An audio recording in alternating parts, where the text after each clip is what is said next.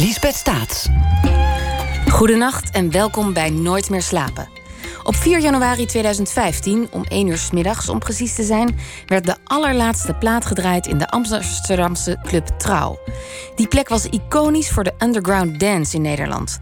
In onze podcast Rewind blikken we terug op deze dag. En rond 1 uur leggen we contact met verslaggever Tessa de Vries, die voor ons op dit moment en ook op dat moment op het boekenbal staat. En komend uur zit naast mij, dus tot een uur of half twee, Saman Amini. Het is ontzettend leuk als je over iemand kan vertellen dat hij op vierjarige leeftijd in een dorp in de buurt van Teheran een boyband wilde oprichten. Vanavond kan dat. Voor de kenners moet het al vroeg duidelijk zijn geweest dat het podium dé plek was waar Saman zich thuis voelde. Maar er kwam iets tussen. Met zijn moeder en zusje vluchtte Saman vanuit Iran naar Nederland. Er volgden zes donkere jaren in asielzoekerscentra voordat Saman zelf, bij toeval eigenlijk, ontdekte dat hij talent voor theater had. En nu is hij unstoppable, zoals hij zelf zegt. Na de toneelacademie in Maastricht stond hij met voorstellingen op de Parade, Oerol en bij het Nationaal Toneel. En hij kreeg lovende kritieken, waarin zijn gevoel voor taal, muziek en beeld wordt geroemd. Nu is er een prentenboek naar aanleiding van de voorstelling Samenloop van Omstandigheden. Die begon als kleine voorstelling op de parade, werd jubelend ontvangen, groeide uit tot een volwaardige avond theater en er verscheen een CD met muziek. Voor ons ligt het prentenboek met teksten van Saman en illustraties van Tom Jager. Welkom, Saman Amini. Dankjewel. Vertel eens, die boyband. Kun je dat zelf nog herinneren of is dat iets wat iemand je verteld heeft? Ik kan, ik, kan het, ik kan het me niet herinneren zelf. Het is mij vooral verteld. En volgens mij, naarmate ik vier en vijf werd, kwam me schaamte... en heb ik dat voor heel lang niet gedaan. Tot aan de toneelacademie in Maastricht. Toen het moest. Toen moest ik optreden met een Nederlands lied. En, ehm, Maar je wilde dat als kleuter dus? volgens mij al. ja, blijkbaar. Ja. En toen woonde je in Iran. Ja. Ik ben nog nooit in dat land geweest. Ja. Ehm, hoe groeide je op? Wat voor wijk was het? Eh, wij gingen eigenlijk qua eh, onze woonplaats waar wij woonden in Iran, gingen wij bergafwaarts in het economische. Eh, daarmee bedoel ik dat mijn vader ging failliet toen wij hij had een remschijfbedrijf. Een rem, oh, een auto-onderdeel. eh, ja, ja, remschijffabriek. Dat, dat verkocht Ja. hij. Verder weet ik ook vrij weinig van, moet ik zeggen. En dat ging failliet toen ik, geloof ik, vier was. Ehm, dus op mijn eh, zesde verhuisden we van de stad eh, naar richting het noorden van eh, Teheran. Naar een goedkopere plek. En toen ging het minder Bergafwaarts. goed, bergafwaarts. Toen gingen we naar een dorp. En daar heb ik de laatste vijf jaar doorgebracht. Ja. In, in een krottenwijk. Oh ja, een Krottenwijk zelfs. Ja, ja. En had je daar dan toegang tot muziek? Want als je een boyband wilde beginnen... nee, dat, wat ik zei, dat boyband deel was tot mijn vierde en mijn vijfde. En ehm, toen, toen ik denk ik, ja, zes, zeven, die leeftijd was ik vooral heel veel buiten aan het spelen. Heel veel aan het voetballen. ja. Ja. Maar goed, die boyband is er dan daar niet gekomen. Maar vanavond heb je opgetreden op het Boekenbal... ja, met een eh, nummer uit eh, de voorstelling. yes. En hoe was het? Hoe ging het? Ehm, ik, ik, ik was sterker dan ooit, zo voelde het. En toevallig had ik twee weken geleden een opnames teruggezien. Een, opname, een optreden dat ik had bij Amnesty International. En, en toen zag ik mezelf, ik dacht, wat doe jij veel met je gezicht, zeg. Jesus, doe rustig, dacht ik. en dat nam ik vandaag mee en het werkte eigenlijk heel goed. Het was heel, heel gecontroleerd en voor mijn gevoel was dat een van de betere optredens die ik had gedaan met dat lied. Ja. Dat is heel mooi. En je trad op eh, in de grote zaal. Dat is het openingsprogramma van het, van het Boekenbal. Ja. Ehm, lastig publiek. Ik heb er een keer gezeten in die zaal. En ik dacht, ja, als je hier moet optreden... dit zijn allemaal mensen die zelf dingen maken. Ja. Die vinden zichzelf waarschijnlijk beter. Ja, ja. ja het, het- het- ik, heb natuurlijk eh, heel veel vertrouwen in het lied Longen Vol, waar ik, waar ik daar optrad, waarmee ik optrad. Daar heb ik een jaar over gedaan. Het was echt iets, een proces geweest waar ik. Dus inhoudelijk eh, was ik wel zeker over wat ik aan het vertellen ben. Het is een heel groot verhaal verteld en voelbaar gemaakt, naar mijn mening.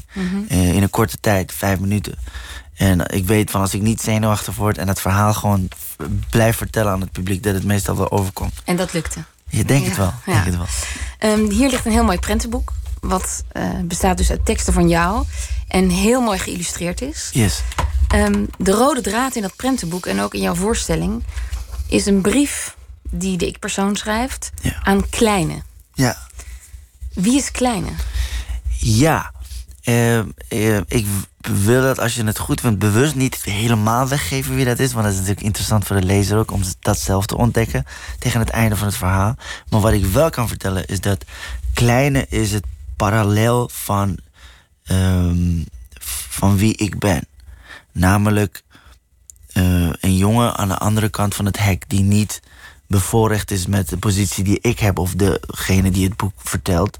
Namelijk iemand die aan de goede kant van het hek is beland. Eh, de kant vol mogelijkheden. En, wat, en waar staat dat hek? Of, of wat symboliseert dat hek? Eh, ik realiseerde me dat, dat ik bij een kleine groep mensen op de wereld uh, hoor die, die zich kunnen permitteren om te dromen. En die dromen kunnen najagen. Um, ik heb hier, ondanks dat mijn moeder uh, rugklachten had, ondanks dat mijn vader niet in staat was om te kunnen werken, is er een systeem waar ik een, um, waar ik een lening kan aanvragen. Waar ik me kan permitteren om te studeren letterlijk wat ik wil. En, en als ik hard genoeg werk, kan ik dat ook bereiken. Ik denk dat als je hier geboren bent of als je hier lang bent, je dat bijna neigt te vergeten. Dat dat niet, niet een vanzelfsprekend iets is. Um, en, en, en wat. En het hek scheidt dan uh, ons in Nederland? Ons, ja, ja. Er zijn meerdere hekken. Ik denk ook, in, het, in het verhaal gaat mhm. het over hek tussen Nederland en aan de andere kant van het hek. En ik, uh, ik kies ervoor om bewust niet, en niet te benoemen waar die jongen vandaan komt. Omdat ik ook denk, er zijn echt zoveel landen waar dit gebeurt, waar armoede is, bijvoorbeeld. Um, maar in, ook in Nederland zijn er duidelijk hekken. Ik heb een tijdje. Um, repeteerde ik in Noord, Amsterdam-Noord. En mijn vriendin woont in Zuid. En ik nam altijd bus 37 richting Amstel. Of ik nam de bus. Doet er niet toe. Ik nam de bus naar Amstel. Ik, van, ik weet niet welke bus het was. En volgens mij nam ik van Amstel 37 richting Molenwijk. En in dat bus zag ik alleen maar niet-westerse Nederlanders. En als ik dan terug was in Zuid, zag ik alleen bij de kassa niet-westerse uh, of allochtone Nederlanders. Achter de kassa zaten Achter de kassa. Dus ik, het viel mij op dat die segregatie, die hek waar ik hier benoem, zo onzichtbaar en sneaky en stiekem al, al lang tussen ons is. En um, dus dat is de filosofie van die jongen. Dus dat komt vaker terug. Dat aan, de, aan de goede kant van het hek wonen. Aan de goede kant van het hek wonen. Hier gaat het ook wel vrij expliciet um, over de andere kant van het hek. En daarmee bedoel je dan, was mijn interpretatie... Ja. Um, de vluchtelingen die hier naar binnen willen... en ook. de kans niet krijgen of wel hier naartoe komen... maar teruggestuurd worden. Ja, zeker. En er zijn ook een heleboel mensen die niet eens op het idee komen om te vluchten. Er zijn heel veel mensen die gewoon leven... Uh, ik bedoel, het, het vergt één moed om, denk ik, je thuisland te verlaten. En twee, ook een bepaald soort visie. En een bepaald soort intelligentie om te denken van... als ik hier 30 jaar ben, dan zal ik niet een stap vooruit zetten om me te ontwikkelen. En dat is waar wij als mensen naar hunkeren. Ik althans wel. Mm. Dus ik geniet natuurlijk van familie, vrienden, maar ook van dat ik denk: hé, hey, ik heb me verdiept in iets en ik ben beter dan vorig jaar. En uh, er zijn dus heel veel mensen die zich dat niet beseffen. En uh, dat is waar ik naar refereer. Dus het is denk ik breder dan vluchtelingen. Want vluchteling is voor mij iemand die al in die fase, die die bewustzijn heeft, die die keuze heeft gemaakt. Mm er zijn talloze mensen die, die, die, zich, die zich, zich helemaal niet bewust zijn. Die helemaal niet de plan, van plan zijn om, om, dat te, dus om te vluchten. Kleine in dit boek en in de voorstelling kan wat jou betreft ook een um, jongetje zijn... dat woont op de plek waar jij woonde als kind. Zeker. Maar en ook wiens ouders nog helemaal, of helemaal geen plan hebben om te vluchten. Bijvoorbeeld, ja. ja. en ook, ook een jongen... Ik heb een documentaire gezien over, over jongeren die in, in, geloof ik, Polen of Hongarije... die, die onder een grot zaten en en de hele toekomst was plastic tasjes verzamelen. En, en als ze dan genoeg hadden, mochten ze lijm snuiven. Dat was de cirkel die zij hadden. Mm. Dus er zijn heel veel gruwelijkheden op de wereld. Um, en ja, dat. Ja. ja. En jij bent wel aan de andere kant van het hek beland. Ik heb het geluk gehad om, om hier te zijn. Ja. Kun je kun je, uh, de tijd van de vlucht, want dat was het, nog goed herinneren? Um, het wordt steeds met de dag wordt natuurlijk vager. Maar, je was 10, 11? Ja, ik was 11.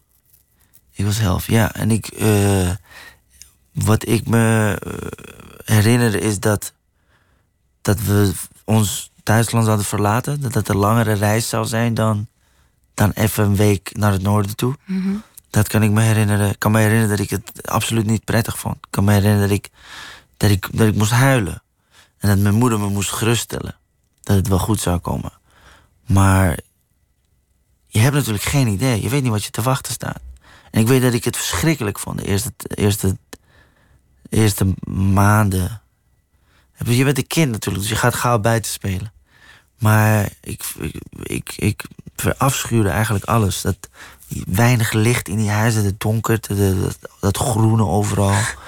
Uh, het groen, dat ja, het groen. vond je bezwaar. Ja, ja, ja. en inmiddels vind ik het prachtig. Inmiddels kan ik me dat niet anders voorstellen door de jaren heen. Maar alles was nieuw en alles. Het brood stelde me ook teleur. Dat sneetjesbrood, wat ik altijd in het tekenfilms had gezien, wat ik, waar ik ook naar hunkerde. Ik dacht, oh, dat wil ik een keer eten. Maar het was zo lekker, was het eten. Het was, het, het, het was heel erg wennen voor mij als kind. Ik denk dat dat een ook van de ja, trauma's is, denk ik, die iedereen meemaakt als je zodanig van je verhuist, van, een, van je plek waar je bent opgegroeid. Ja, zeker als kind. Zeker, ja. En wat voor soort situatie ontvluchten jullie? Um, wij om het. Ik, ik heb bewust kies ik ervoor uh, om niet, um, niet dieper, niet veel details te weggeven om de vluchtredenen, omdat het een besluit is wat mijn ouders hebben gemaakt. En het is ook heel grappig. Er wordt ook heel vaak verteld dat, dat ik de vluchteling ben. Terwijl ik was een kind, ik ben meegebracht. Ik, ik heb nooit gevlucht. Er staat wel vaak Samuel Amini vluchten op elfjarige leeftijd. Ja, dat heb ik letterlijk net voorgelezen, volgens mij. Ja. Nee, maar ik, het is op papier, klopt dat natuurlijk ook. Maar dat is niet hoe ik het heb ervaren. Nee. En uh, om terug te komen op je vraag. Mm, ik denk om het universele te trekken, dat wij daar weg zijn gaan en dat mijn ouders die keuze hebben gemaakt op zoek naar een beter bestaan voor hun kinderen. En je ging met je moeder die zwanger was. Ja. En je zusje. Ja. En je vader kon door omstandigheden niet mee. Ja. Dus de eerste jaren waren jullie hier. Yes. Dus jullie hebben letterlijk het hek, uh, nou ja, zijn jullie gepasseerd. Ja. En daar heb je ook muziek over gemaakt. Want uh, je bent niet alleen acteur en schrijver, maar ook rapper. En je kunt ook zingen. Ja. Um, laten we meteen naar dat verhaal gaan luisteren, maar dan in muziekvorm. Er hoort ook een hele mooie videoclip bij, die is op YouTube te zien. Ja. Prachtige animaties die van dezelfde illustrator uh, van het prentenboek. Yes. Uh, het nummer heet Laat me toe van Saman Amini.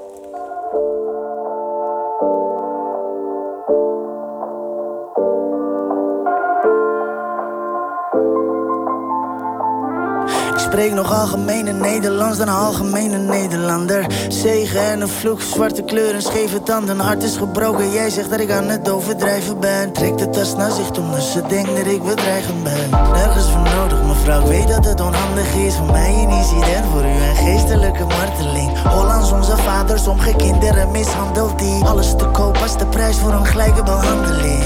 Fokkie met jou valt er niet te praten. De tijd dat ik veranderde, heb je dat nooit in de gaten. Nee. Hield je mij ooit in de gaten, hey, Mijn leven is een strijd en ik bloed voor mijn gezin. Moeilijke jongens zijn het resultaat van een lelijk begin. Te zijn of niet te zijn, wie gooit de handdoek in de ring? Nergens is het thuis, ik ben zo dakloos als de wind. Maar het is nog steeds niet genoeg. Mij niet uit hoe hard ik loop, het is nog steeds niet genoeg. Nu nog steeds niet genoeg.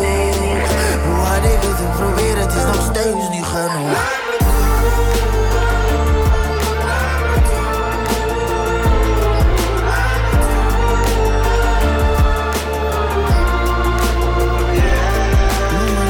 Allochtoon, tweede rangs, een probleem. Zwarte schaap, profiteur en een motherfucking buitenbeentje.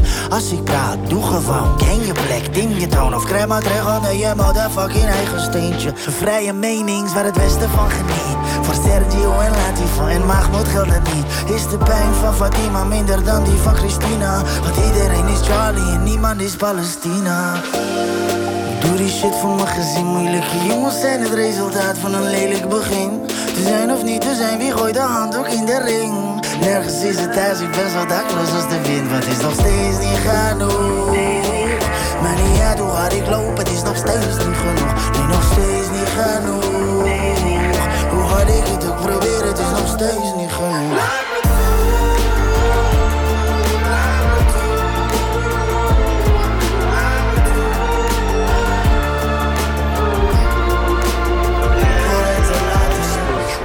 In this together. That I think it is not a good thing to believe that as human beings we can turn our backs on the suffering of other people. Als ons familie in gevaar is, zijn we even bang. Als de wolken de zon voorbij zijn, schijnt die even lang. God hoort te klagen van zijn mensen rond de evenaar. Een band alle ratten in pakken van aarde, levenslang.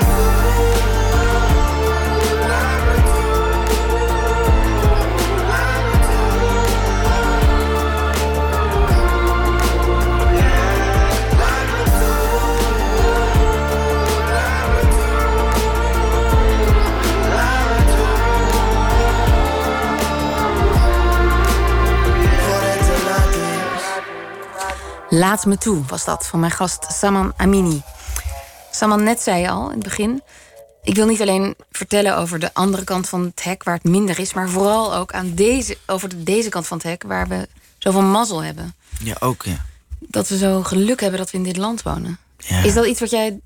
Ja, ja jij, hebt, jij kent het verschil. Wij, de Nederlanders die hier zijn geboren, zijn dat misschien een beetje vergeten. Hoe zie je dat? Ik denk dat het ook volstrekt normaal is. Ik denk dat ik het zelf ook soms vergeet na 17, 18 jaar. Alleen ik heb. Uh, en wat vergeten we dan? Wat ik zei, dat het. Het is, het is helemaal niet. Het is een goed voorbeeld. Wat ook in, ik ben een voorstelling mee bezig. Het ziet at the table. Daarin vertel ik dit altijd. Dat als je inwoner bent van bijvoorbeeld gemeente Zoetermeer. en je zitbank thuis kapot is. Het is gewoon niet meer fijn om op te zitten dan kun je bij de gemeente beroep doen op een nieuwe bank.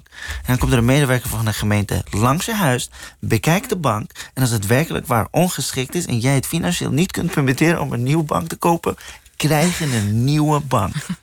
Je maakt er grote armgebaren bij. Je kan bijna niet geloven. Is het niet absurd? Klinkt het niet absurd? Maar dat, dat bestaat. Ik bedoel, en dat is iets prachtigs. En volgens mij zou dat een heel mooi een aanleiding, het besef zou een mooie aanleiding kunnen zijn tot een nieuw verhaal. Voor ons, wat voor ons allemaal geldt. Ongeacht. En wat bedoel je daarmee? Ik vind als ik nu naar Nederland kijk, naar de politieke, naar de politiek kijken, zo mis ik altijd, heb ik altijd denk, ik denk er is weinig, um, er, is, er is een gebrek aan morele leiderschap. We missen een verhaal. Wat, want wat mij opvalt is, de opties die de politici bieden, namelijk weg met de islam, weg met uh, allochtonen, grenzen dicht, integratie is mislukt. Al het geluid is, is een korte termijn voldoening. En daarmee bedoel ik, het, het wordt gezegd en mensen vinden het en daar, daar, daar, daar, daar juichen we dan om. Maar wat hebben we er werkelijk van aan om dat heel hard op te zeggen? In 2050 las ik een artikel in, eh, van de NRC dat één op de drie Nederlanders en, en allochtone Nederlanders in 2050. 50. Ja. Um, daar gaan we dus heen. Dus, en ik denk, waar wij nu naar zouden moeten kijken, is dat we, dat we zijn hier nu toch met z'n allen. Hoe kunnen we een verhaal vinden wat, wat voor ons allemaal is? Waar ook ik, zowel jij je in kunt vinden. Ongeacht waar je vandaan komt, wie je bent, wat je seksuele nou ja, is. Maar Mark Rutte heeft het wel geprobeerd met dit is een ontzettend gaaf land, of zo, zei hij. Of woorden van gelijke strekking. Mark Rutte, ik, als ik aan Mark Rutte denk ik aan Doe Normaal of Ga Weg, zijn brief. Of aan uh, Black Piet is Piet Black en dus we hadden een Black. Dus nee, ik, ik vind niet dat hij, uh, dat hij uh, hoe zeg je dat, morele autoriteit heeft om, om, om zoiets te zeggen. Ik denk niet dat hij de juiste persoon is daarvoor. Ook omdat hij net zo hard als andere meeste politici die ik ken... gebruik heeft gemaakt van de ja, van een stukje taart wat Wilders in zijn handen had. En zijn laatste brief bevatte, naar mijn mening, xenofobische sentimenten. En dat vind ik heel gevaarlijk. Dus ik zie meneer Rutte absoluut niet als een voorganger of een leider die dat teweeg zou kunnen brengen met ons land. Maar dat begrijp ik, maar um, uit jouw woorden. Maar hoe kijk je dan naar de afgelopen verkiezingen? Ik, ik moet dan, zeggen dan, dan, dat ik minder in paniek was dan de meeste mensen. Eén, omdat ik denk als ik denk dat ik als allochtone Nederlander of als iemand die als asielzoeker was beland in een dorp, de, de, de zwarte racistische kant van Nederland van het begin één op één had meegemaakt. Ik denk dat heel veel mensen in de grote steden denken: oh jezus, het gebeurt het in ons land. Ja. Maar ik denk, ja, ik, had het, ik maakte dit mee in 2001. Waar waren jullie toen? Dus voor mij. Wat heb je dan meegemaakt? Ik, ik zou echt een voorstelling van drie uur kunnen maken als het gaat om uh, racistische incidenten. Maar Ik weet dat de jongeren op een voetbalclub ons harder aanpakten wanneer de trainer er niet was. Ik weet dat de bussen soms doorreden. Ik weet dat, dat zij met z'n drie op de fiets kut AZC zongen. Een soort van kut AZC, kut AZC. Als een soort voetballied. Ja. Ehm, ik weet dat iemand meerdere malen dat ik, uh, ja, hoe zeg je dat? Dat je vernederd bent om, om iets waar je mee bent geboren, om iets waar je niks aan kan doen, namelijk je huiskleur of hoe je eruit ziet. Dat is, mij, dat is structureel gebeurd, keer op keer. Dus ik heb dat van tevoren al meegemaakt. Dit zijn eigenlijk best, uh, of best, dit zijn heftige incidenten of heftige verhalen die jij vertelt. Voor jou, ja. Ja, ja. Maar tegelijkertijd ben jij ook degene die zegt: Dit is een geweldig land. We hebben hier vet geluk als we hier uh, nu hier wonen met z'n allen. Dus dat moeten we uitdragen. Natuurlijk. dat kan toch? Dus ik heb toch naast elkaar bestaan. Voor mij is het. Nou, er zijn heel veel mensen in jouw situatie die denk ik verbitterd raken. Die denken, ja, ze moeten mij niet, dus wat moet ik hier? Ja, nee, zeker, die optie is er. Maar wat, ik, wat je zegt, het woord wat je gebruikt, verbitterd. Ik denk niet dat je daar, daar, daarmee verder komt. Ik denk niet dat we het moeten ontkennen. Het moet worden erkend. Maar je moet het tot je nemen. En ik heb altijd gedacht, ik laat mij niet wegjagen door jouw tekortkomingen of door iemands onwetendheid. Als iemand tegen me zegt, ga terug naar je eigen land, zeg ik, nee, nee, nee, dat is mijn land. Ga jij terug naar je eigen land. Dat is een beetje mijn mentaliteit. En ik probeer het altijd met humor te doen, want dat werkt natuurlijk. En wat zeggen ze dan als je zegt, ga jij terug naar je eigen land? Ik heb, ik heb één keer meegemaakt, stond op een zaterdag was ik aan het werk, was ik naar Den Helder gegaan. Een gesprek te voeren met een vader van een jongen en, en het ging over of zijn zoon mee mocht doen met onze film. we stonden voor een café. En er liep een man uit dat café en hij zei: Geen criminele activiteiten hier, En dat zei hij gewoon. En, en het was random op, op zaterdagavond. Ik was gewoon aan het werk. Ik was, ik was helemaal niet met hem bezig. En het, het kwam echt hard bij me aan.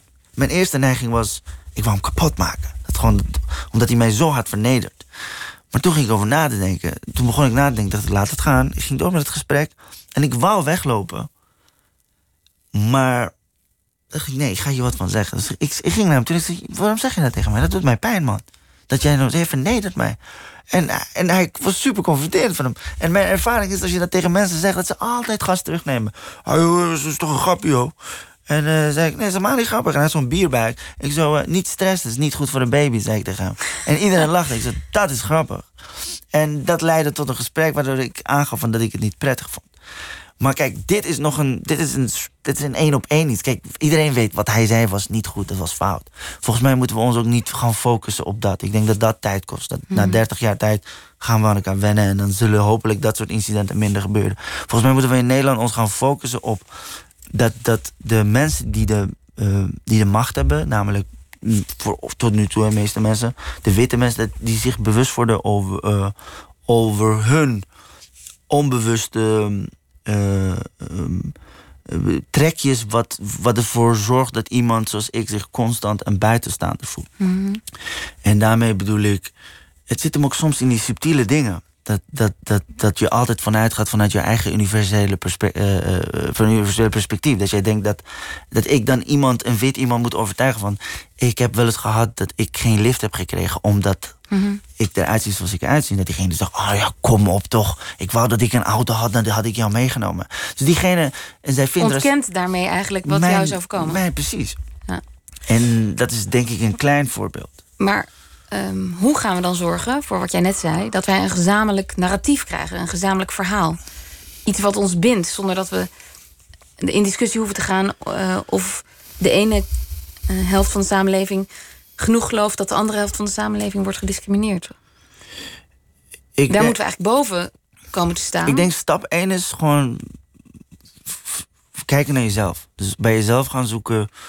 Um, ben ik het ook. Want als je links-liberaal progressief bent, dan komt het bijna niet overeen dat je bij jezelf denkt: hé, hey, ik heb ook racistische trekkers. Want mijn ervaring is: wij zijn allemaal racisten. Jij We hebben, tuurlijk. Ik ben ook een mens. Dat zit in ons. Dit zit in ons mensen om te labelen. Dat is bijna een overlevingsmechanisme. Zo, overleef, zo weet je op straat. Van die man zou eventueel mij wat aan kunnen doen of niet. Dat zit, dat in, in, zit ook in ons, in ons als DNA waarschijnlijk. Tuurlijk, zeker. Ik heb het ook. Maar ik denk dat de witte man zich daar veel meer bewust over moet zijn. Want die, zij hebben de macht. Zij bepalen letterlijk hoe het wordt verdeeld, wat er gebeurt in dit land. En die hebben dan een andere verantwoordelijkheid. En volgens mij is een mooie stap daar naartoe is dat simpelweg dat ik word gevraagd van. eh, en dat een jongen als ik, en ik hebben het nu over mezelf, maar er zijn genoeg eh, jongens met een niet-westerse achtergrond, of vrouwen natuurlijk. Ik zeg niet dat het jongens, maar ook superveel vrouwen, misschien beter dat er meer vrouwen zijn, die het veel beter weten dan ik, dat die mensen een gelijkwaardige plek krijgen aan een tafel. Dus waar een beleid wordt gemaakt, dat iemand zoals ik een plek krijgt, een gelijkwaardige zeggingschap heeft. En die plek wordt mij gegeven door een ander wit iemand. En diegene weet dat het waarschijnlijk ongemakkelijk gaat worden de komende tijd. Dat het confronterend gaat worden. Maar dat we het, gaan, eh, dat we het samen aangaan omdat het beter is voor, voor de toekomst van Nederland. En ben je optimistisch eigenlijk over integratie? Hangt een beetje af eh, welke dag ik ben, naar, naar nou, nieuws ik kijk. Je komt net van het boekenbal. Je hebt een mooie super, avond achter super. Ik kan, ik, het voelt alsof ik de wereld aan kan vragen. Ja. Ja, je moet er, kijk, het is ook bijna. Deels is het perspectief. En deels is ook, ja, wat verwacht je? Als je, eh, als je nu. Je kan natuurlijk niet zeggen dat de ehm, integratie volledig is mislukt. Dat kan je niet zeggen. Maar of het nou helemaal gelukt is, kan je ook niet zeggen.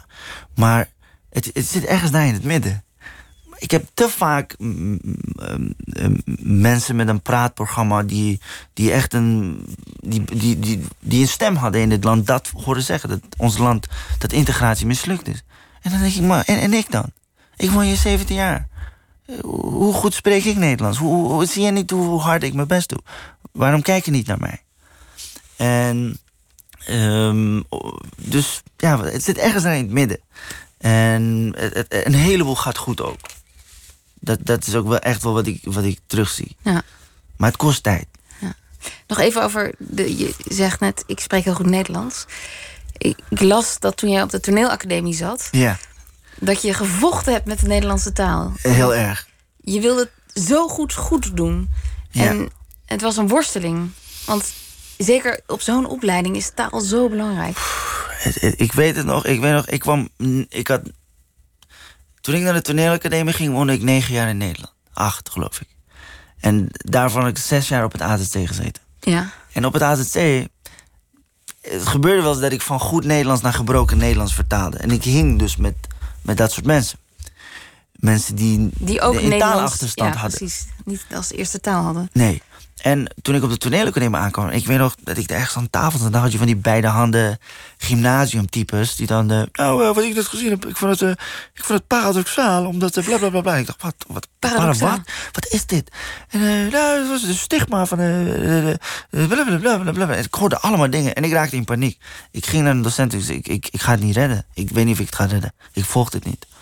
En, ehm, en dat, dat leidde tot, dus die paniek, de stress, de ongemak, leidde tot dat ik dacht, ik moet hier werk van maken. En achteraf gezien, wat ik denk ik slim gedaan heb, is dat ik van mijn zwakte mijn passie heb gemaakt. Waardoor ik, ik vond het heel leuk om een nieuw woord te leren. Wat zei je nou?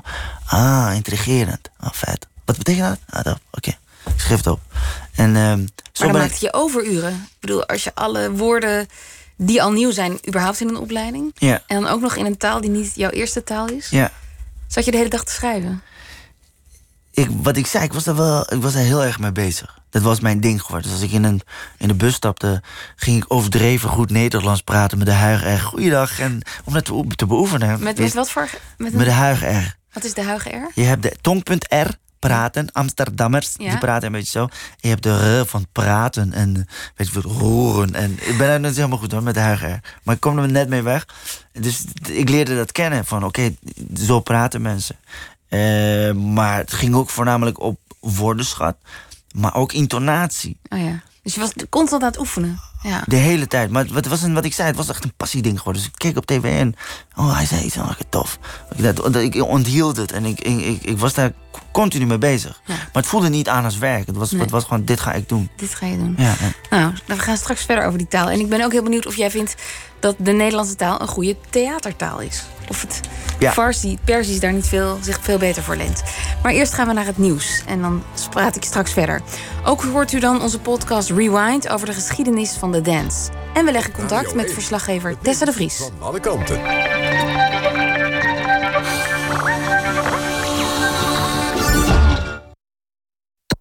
NPO. 1 uur, Lieselot Thomassen met het NOS-journaal. Speciaal aanklager Muller, die onderzoek doet naar Russische inmenging... in de Amerikaanse presidentsverkiezingen van 2016... heeft zijn onderzoek afgerond en aan minister Bar van Justitie overhandigd. Bar bepaalt of en welke delen van het onderzoek nu openbaar worden gemaakt. Mogelijk krijgt het congres dit weekend een samenvatting van het rapport. President Trump heeft het onderzoek meerdere keren een heksenjacht genoemd. Het aantal werkende 45-plussers dat van baan wisselt is iets toegenomen. Maar nog altijd wisselen ze minder vaak van baan dan werkenden onder de 45. Blijkt uit onderzoek van het CBS. Vorig jaar kregen 212.000 45-plussers een andere baan. In de groep tussen 25 en 45 kwam dat twee keer zo vaak voor. Het gebrek aan doorgroeimogelijkheden, onzekerheid... of wel willen maar niet kunnen overstappen naar een andere baan... zijn redenen waarom. In Rotterdam woedt brand in een flatgebouw in de wijk Kralingen. De brand ontstond rond half elf op de vierde verdieping. Alle 18 woningen in het gebouw zijn ontruimd. Er zou niemand gewond zijn geraakt. Volgens RTV Rijnmond zijn de bewoners opgevangen in een sporthal in de buurt. De brandweer is met groot materieel uitgerukt om het vuur te bestrijden. Zo'n 16.000 mensen hebben meegelopen in de stille tocht in Utrecht... voor de slachtoffers van de aanslag in de tram van maandag. Namens het kabinet liepen premier Rutte en minister Grapperhaus mee. Ook waren burgemeesters van de drie andere grote steden bij de herdenking. Bij de tramaanslag kwamen drie mensen om het leven. Zeven mensen raakten gewond, van wie drie er slecht aan toe zijn. Het weer bewolkt en kans op mist. De minima liggen vannacht tussen 3 en 7 graden. Overdag veel bewolking en lokaal kan wat regen vallen. Het wordt uh, smiddags 9 tot 14 graden. Dit was het NOS Journaal. NPO Radio 1. VPRO. Nooit meer slapen.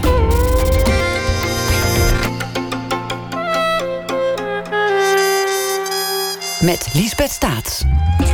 Welkom terug bij Nooit meer slapen.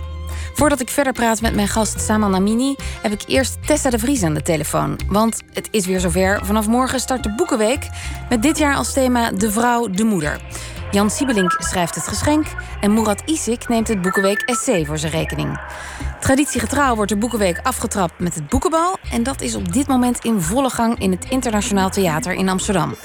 Er komen schrijvers, uitgevers en andere mensen uit het boekenvak uit heel Nederland bij elkaar om het boek te vieren. En onze verslaggever Tessa de Vries is erbij. Tessa, goeienacht. Goeienacht. Hoe is het daar? Ik begreep dat er al een klein relletje was. Ja, er was inderdaad een klein relletje. Dat was uh, tijdens het zaalprogramma. Daar was ik zelf niet bij. Maar ik heb een aantal mensen gesproken. En het schijnt dat tijdens de openingsspeech van Eveline Aankerk... dat is uh, de directeur van het CTNB, die boeken, en een boekenbal organiseert... dat uh, zij oh, klaar uh, in de opening stilstond bij dat er iets is gebeurd. En op dat moment stond Freek de Jonge op. En die uh, vroeg eigenlijk aan de zaal en aan Eveline... moeten we niet stilstaan bij de overwinningsspeech van Thierry Baudet. En uh, daar, is het bij, daar is het bij gebleven, naar ik weet...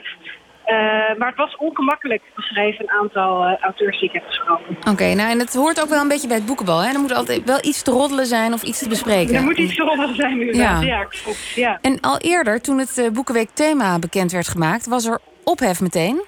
De moeder, ja, de vrouw. Heb je daar nog iets van gemerkt of mensen over gesproken? Nou ja, er schijnt tijdens, tijdens het zaalprogramma heeft Sanne Wallis de Vries heeft daar, heeft daar ook uitvoerig bij stilgestaan. Dat ook bij die ophef.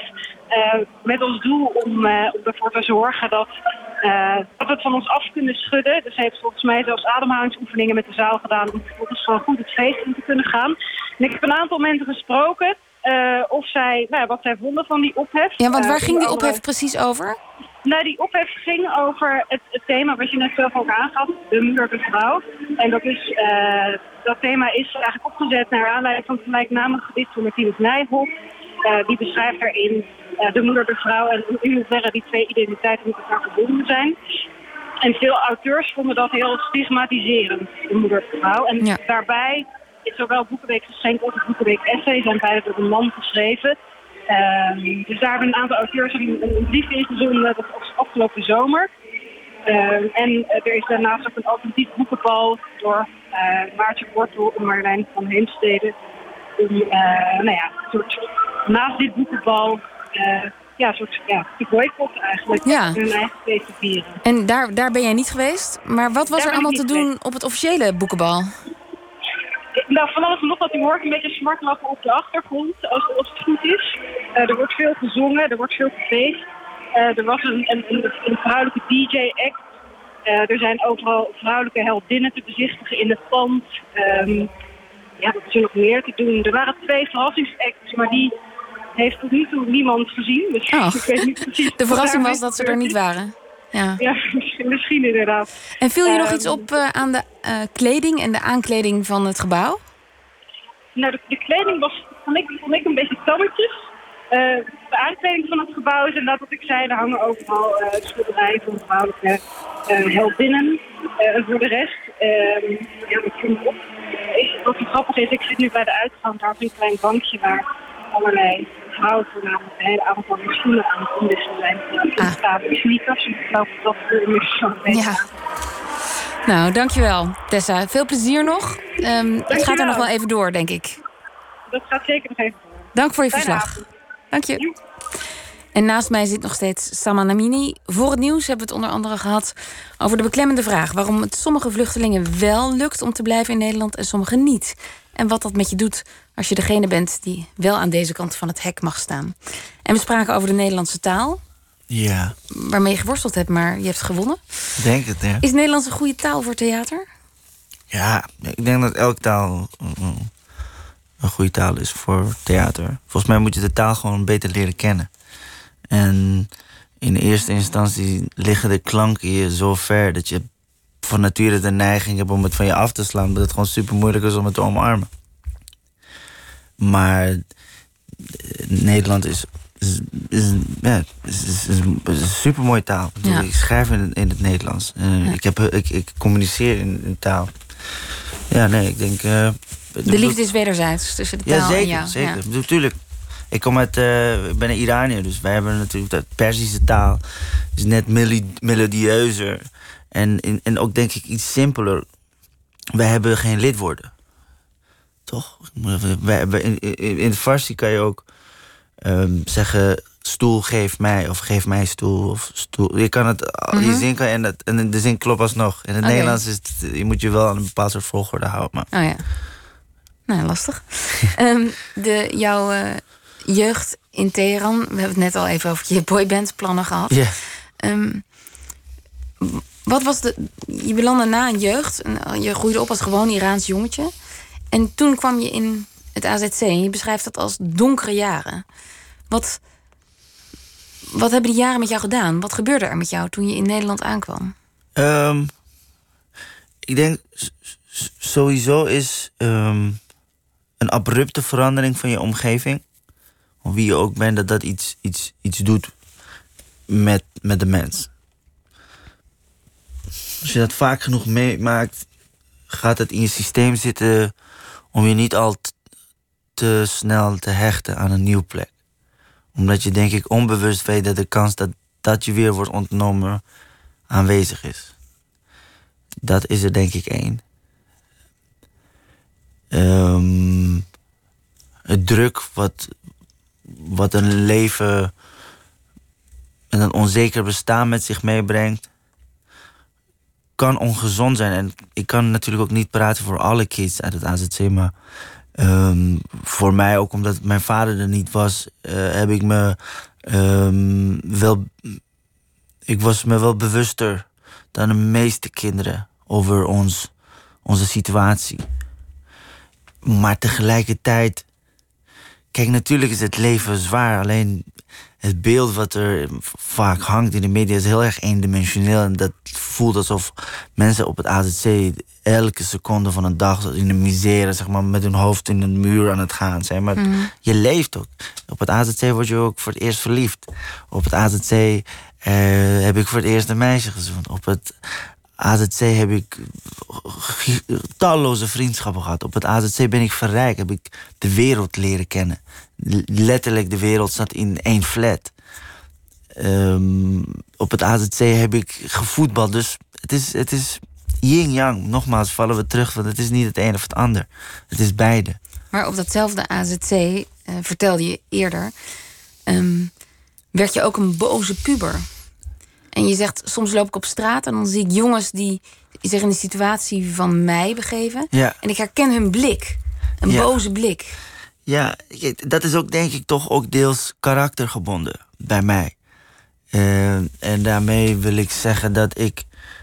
Je hebt kids die imploderen, je hebt kids die een stoel omgooien, je hebt kids die gewoon heel erg in, in peace zijn, heel vredevol zijn, ook op het AZC. Dus, ehm, maar eh, om. Ik, heb me wel, ik kan me wel eens herkennen in, in boze jongens. En hoe dat komt, wat ik zei, het is, deels is het natuurlijk persoonsgebonden. En ik denk dat, dat het ook deels te maken had met het leven op het AZC.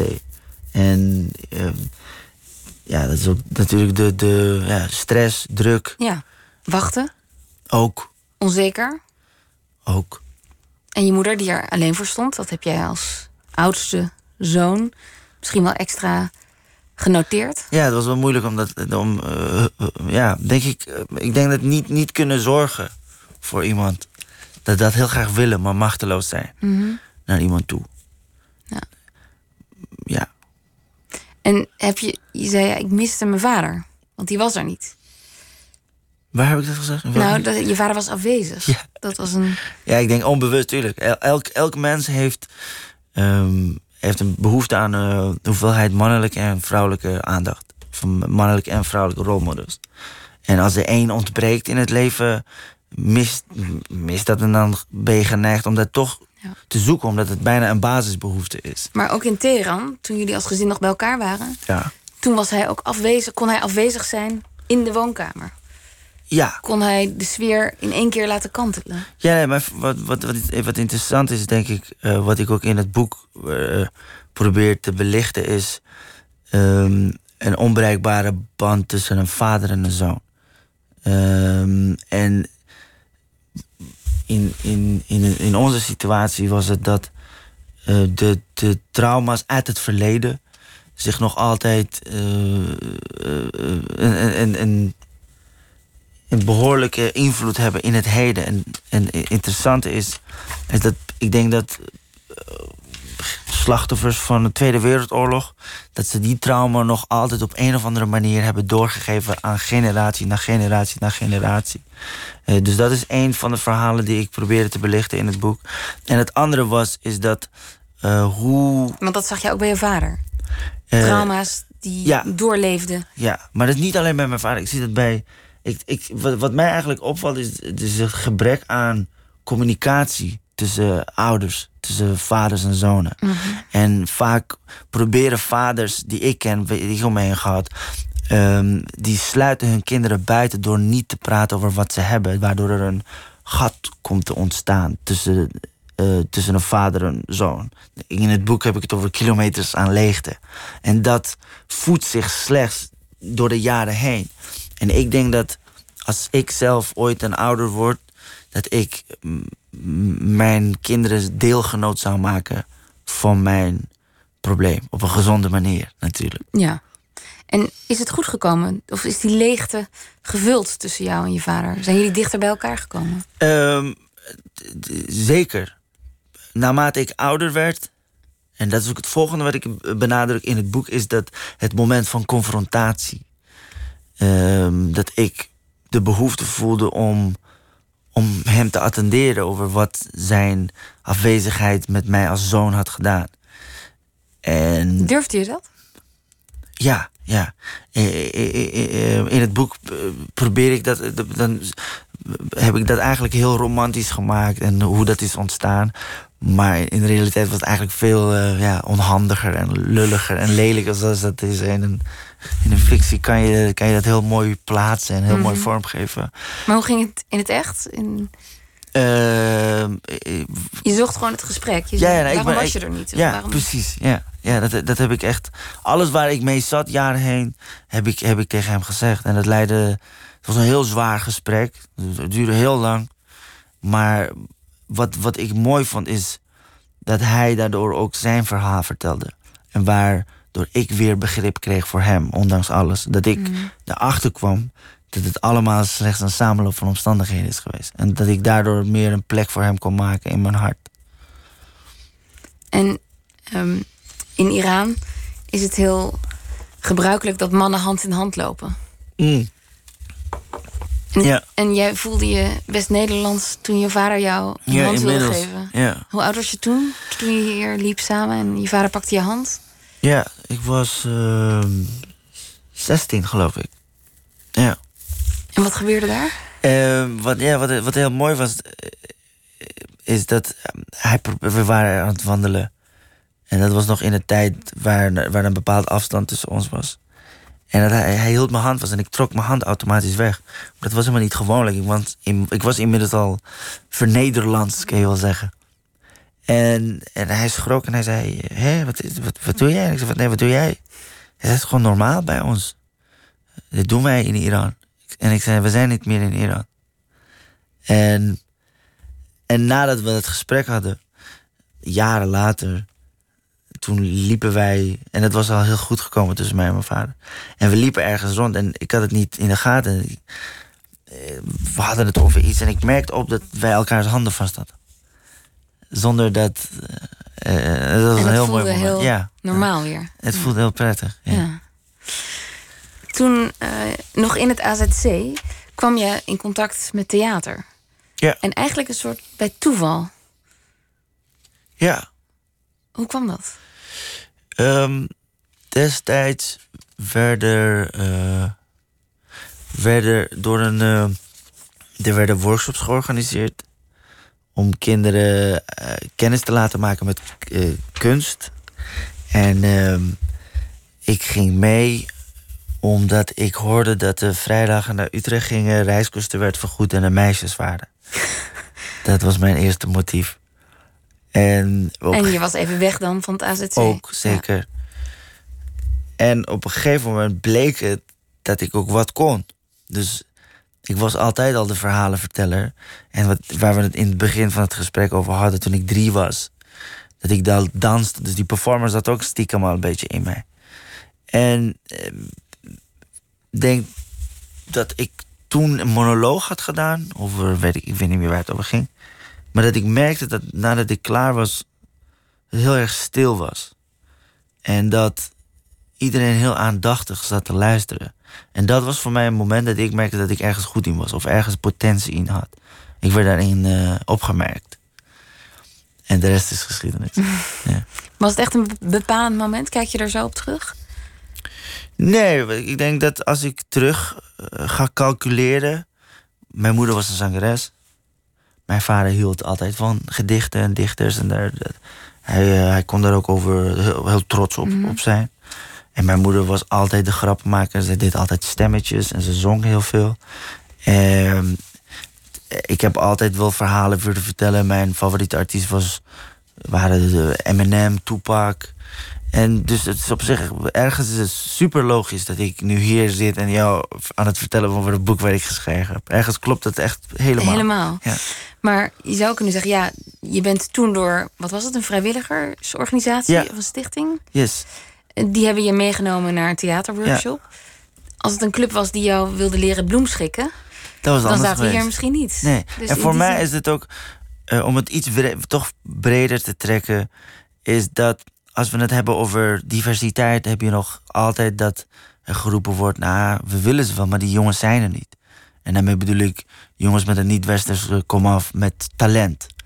En natuurlijk is daar nog een verschil in, maar voor mij laat dat zien dat als je je best doet en op, actief op zoek gaat, dat die er echt wel zijn. En ik ben daar toch een voorbeeld van. Als, als er niet actief werd gezocht naar jongeren die theater zouden doen, zou ik hier niet zitten. Nee. Dus je zegt, het is een soort oproep. Als, zeg- als we diversiteit willen Ja, en inclusiviteit, ja. dan moet iedereen zijn best doen. Dan moet je een extra stap zetten. ja, ik denk dat we echt moeten ophouden met praten. En als we echt diversere verhalen willen, diversere interviewers willen, dat we die mensen moeten gaan opzoeken, opleiden, een beeld moeten schetsen van dat er werkelijk waar een toekomst is. De waarde van vertellen van verhalen, de waarde van dat ik op een dag zou worden geïnterviewd door iemand met een niet-westerse komaf. Als we die aanwakkeren, dat, eh, en als we in, als land in Nederland actief daar ruimte, tijd en geld voor vrijmaken, dat dat in een tijd van 30 jaar ook echt wel zijn eh, vruchten zou Heel goed, afwerpen. afwerpen. Maar ehm, eigenlijk kun je dat heel simpel oplossen. Want je kunt ook zeggen, nou, dan werken we vanaf nu met quota. Er moet een quotum zijn Ja, ja. in iedere organisatie of in iedere opleiding. Dat is er al. En wat je dan krijgt Nou. is... Een, ja, de quota is er. Volgens mij is het stiekem is er een quota. Maar ik weet niet of dat de, man, de manier is. Nou, niet bij wet. Er is niet bij wet een quotum. Nee, dat zou denk ik heel kwalijk. Maar er is stiekem denk ik een quota. Ehm, en het probleem daarvan is, is dat je gaat doen aan oppervlaktebestrijding. Dus dat je denkt, oké, als ik aan de buitenwereld genoeg toon dat wij genoeg eh, niet-westerse leden hebben, dan komt het wel goed. Maar dat is het, daar- daarmee los je het probleem niet. Daar, daarmee hou je het probleem, naar mijn mening, juist staande. En een goed voorbeeld is dat je ziet in heel veel eh, talkshows, zie je aan tafel regelmatig, ook vandaag op het podium, za- zag je dat er heel veel eh, mensen zoals ik daar rondliepen of daar af en toe langskomen om te praten. Maar in een crew, eh, technische ploegen, in redactie, ontbreekt een eerlijke afspiegeling van onze maatschappij. En dat leidt denk ik tot dat de verhalen nog altijd eenzijdig zijn. Maar waarom ben je dan tegen quota? Ik ben er niet tegen. Absoluut niet. Ik denk dat het een heel goed begin is.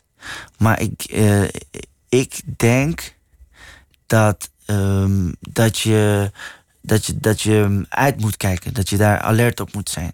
Dat quota ook eh, eh, kan leiden tot dat mensen denken... nou, als ik, eh, weet ik veel, als een van mijn personages niet wit is... dan hebben we dat mee gehad. Want dat is niet diversiteit. Diversiteit is voor mij niet dat eh, ik in plaats van dat ik de, de detective speel... diversiteit is ook dat verhalen worden verteld... waarin ik me herken of waarin jongens zoals ik zich in kunnen herkennen. En dat kun je alleen creëren dat dat ook... de, de, eh, schrijvers en regisseurs zijn en producers zijn van een niet-westerse Ja. komaf. En- Daar gaat het over. Dan, dan, dan probeer je het eh, probleem aan te pakken bij de, bij de kern. Ja, dus je zegt niet alleen de uithangborden, maar ook in de bloedvaten van de organisatie Yes. moet het divers zijn. Exact. Kijk, ik was laatst bij een ministerie, had ik een optreden.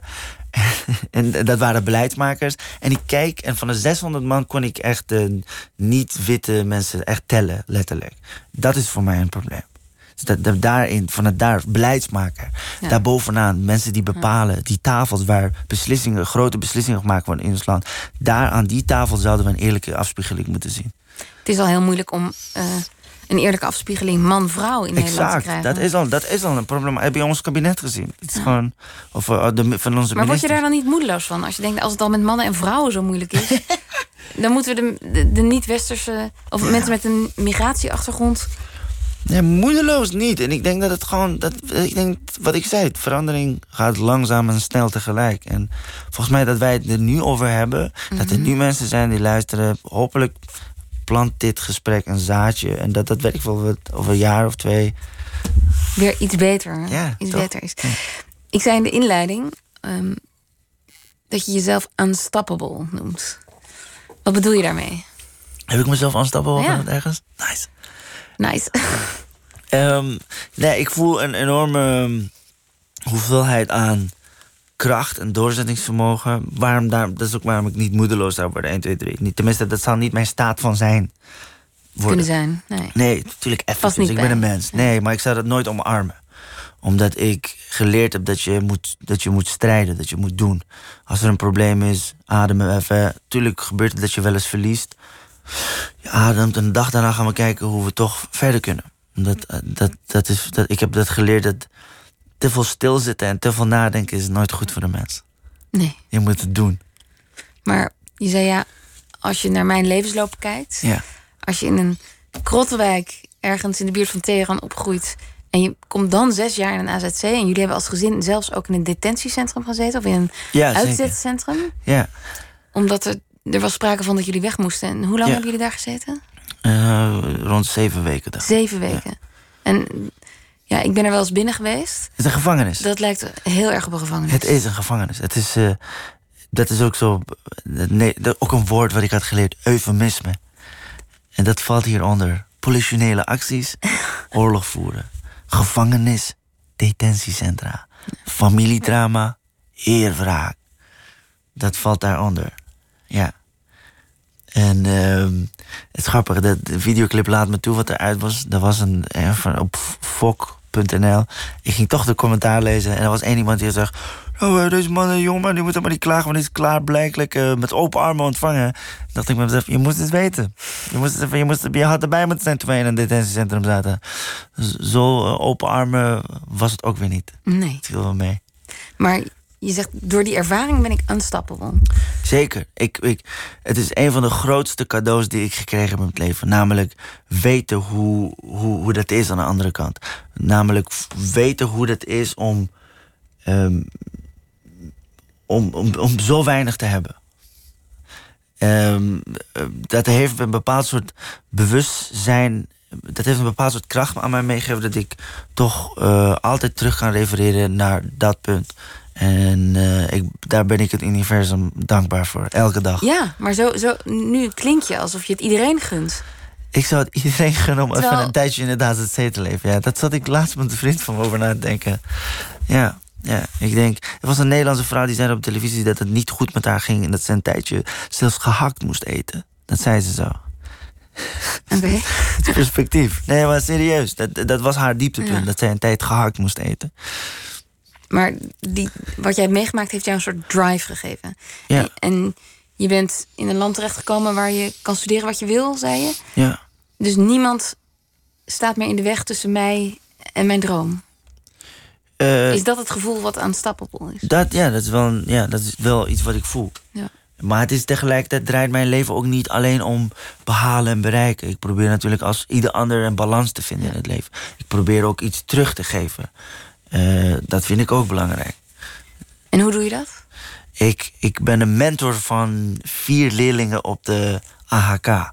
Dus in mijn vrije tijd. Wat is de AHK?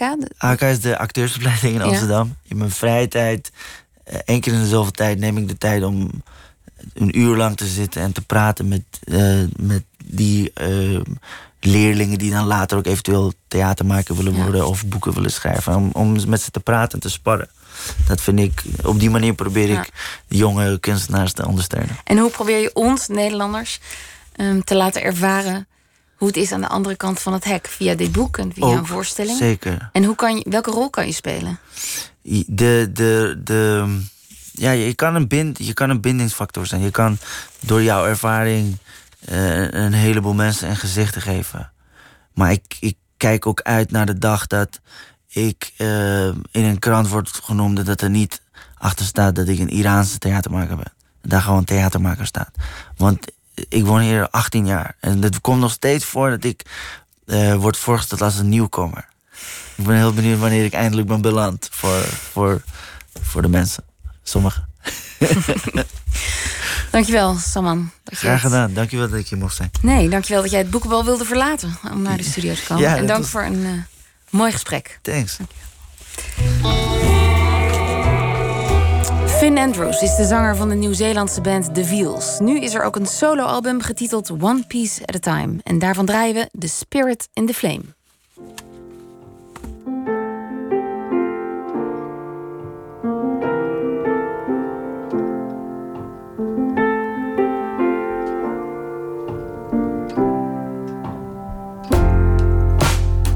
had a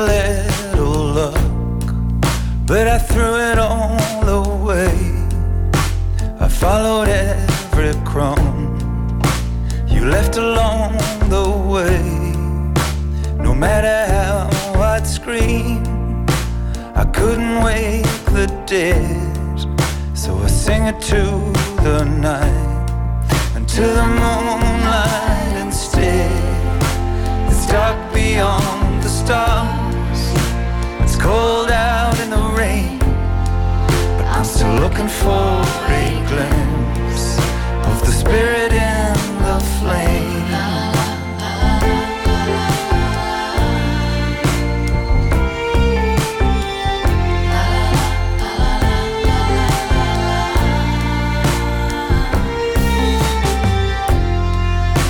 A wilderness of sea a bottle full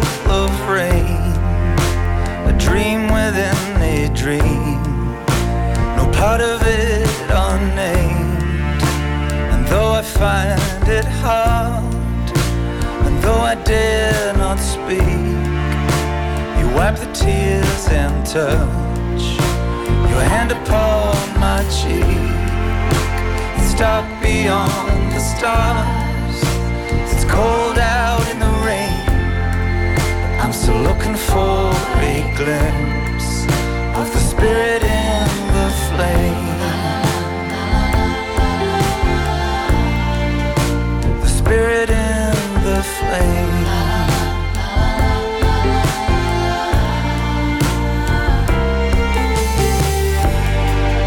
It's too dark now, I can't go back. No carry on all the same. I loved you, and that's a fact. Now I'm on my own again. Wanted it all so real. Can't wait for it to unfold. Just wanna know how it feels. Don't leave me out in the cold. Don't leave me out in the cold. It's dark beyond the stars. It's cold out in the rain. I'm still looking for a glimpse spirit in the flame. Dark beyond the stars. It's cold out in the rain. But I'm still looking for a glimpse of the spirit in the flame.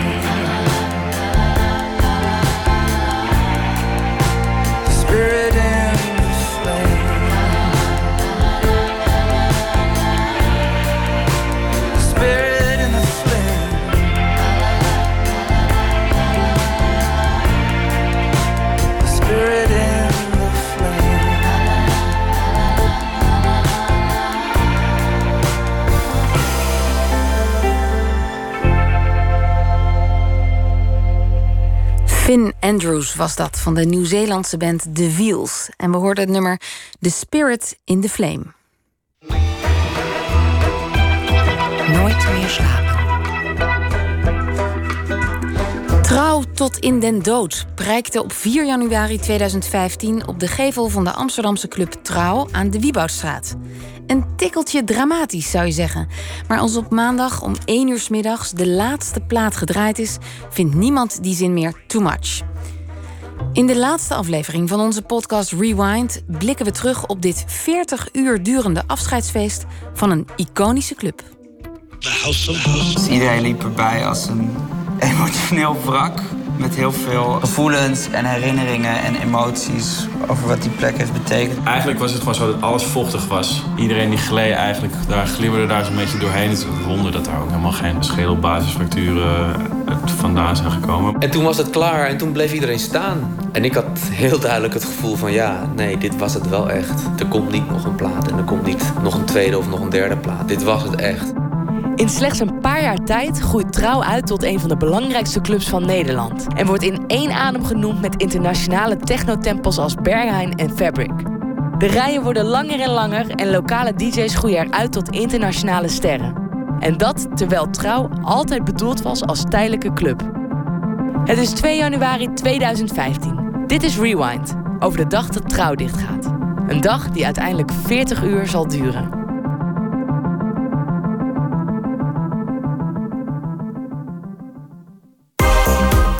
Ik denk dat veel artiesten het net zo hebben meegemaakt als wij. Uh, en daarmee bedoel ik dat intense vreugde en blijdschap en saamhorigheid...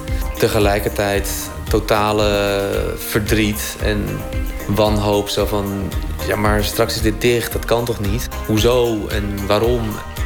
Je hoort Olaf Boswijk, medeoprichter slash eigenaar en programmeur van Club Trouw.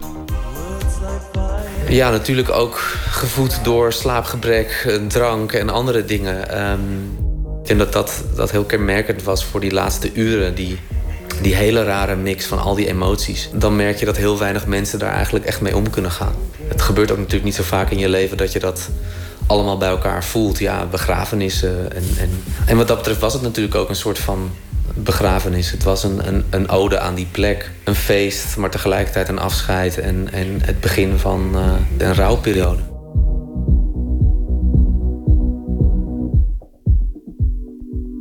Het idee voor Trouw is ontstaan uh, toen ik en een aantal collega's nog bij Elf werkten. En Elf was de, de voorloper van Trouw. Was ook tijdelijk. En aan het eind van, van Elf, wat een hele, voor mij hele belangrijke, indrukwekkende tijd was... waren we eigenlijk zo ja, enthousiast over, over wat we bereikt hadden... en hoe dat verder zou kunnen groeien, dat we dachten we moeten door. En toen zijn we eigenlijk al in de laatste maanden van Elf op zoek gegaan naar een nieuw pand... En na heel veel omzwervingen en zoeken kwamen we opeens het trouwgebouw binnen. En dat was dus een oud pand, een, een, een, een, eh, een plek voor de, de drukpersen die Trouw, Parool, Volkskrant, al die kranten drukten. En een prachtige mix van historie, industrie, verspetters en tegelijkertijd ook waanzinnig goed geïsoleerd en, en akoestisch behandeld. Dat we echt dachten van dit is een, een droomplek voor een club. Als je voor de deur stond en je had het geluk dat je, dat je een kaartje kon bemachtigen en binnenkwam, dan werd je gelijk uh, de trap af uh, gestuurd naar de kelder waar je jas op kon hangen uh, en waar de toiletten waren. En dan had je eigenlijk de keus tussen een heel groot aantal ruimtes die op dat moment open waren. Helemaal het verst weg verstopt was de natte cel, de oude badkamer doucheruimte, omkleedruimte van, van de medewerkers van de oude drukkerij. Een soort hele gekke ruimte met alleen maar tegels en, en bankjes en uh, douches en toiletten. Wat ons betreft een van de meest spannende ruimtes die, die Trouw kende... En, en die we pas in de laatste maanden open deden. En, en toen durfden we het ook eigenlijk pas. De hal. De hal was een, een heel groot... Ja, eigenlijk een lege expositiezaal waar, uh, waar we veel kunst hebben gedaan... Natuurlijk de verdieping. De verdieping was ooit begonnen als de culturele benedenruimte... waar we eigenlijk kunst en, en culturele programma's wilden programmeren. Maar we kwamen er al gauw achter dat het eigenlijk niet zo'n goede ruimte daarvan was. Want die, die pilaren en dat lage plafond en al die gekke luchtschachten... dat was eigenlijk veel beter voor, ja, voor clubmuziek eigenlijk.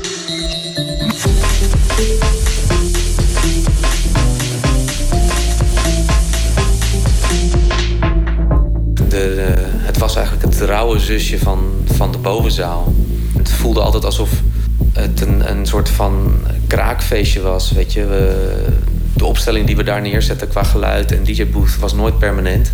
En daardoor hadden bezoekers ook altijd het gevoel van: oh, ik kan hier zo achter DJ-booth lopen, ik kan hier zo die gang inlopen. Het voelde eigenlijk een beetje ja, houtje touwtje en dat vonden we eigenlijk ook wel erg leuk. En uh, boven, de grote zaal, dat was natuurlijk de, de bekendste. De plek waar, waar mensen nu aan denken als ze terugdenken aan, aan trouw. Die lange, smalle, hoge ruimte. Die denk ik ook bekend is geworden door het lichtontwerp van, van Meus van Dis. Die denk ik heel erg kenmerkend is geworden hoe, voor hoe mensen zich trouw nu herinneren.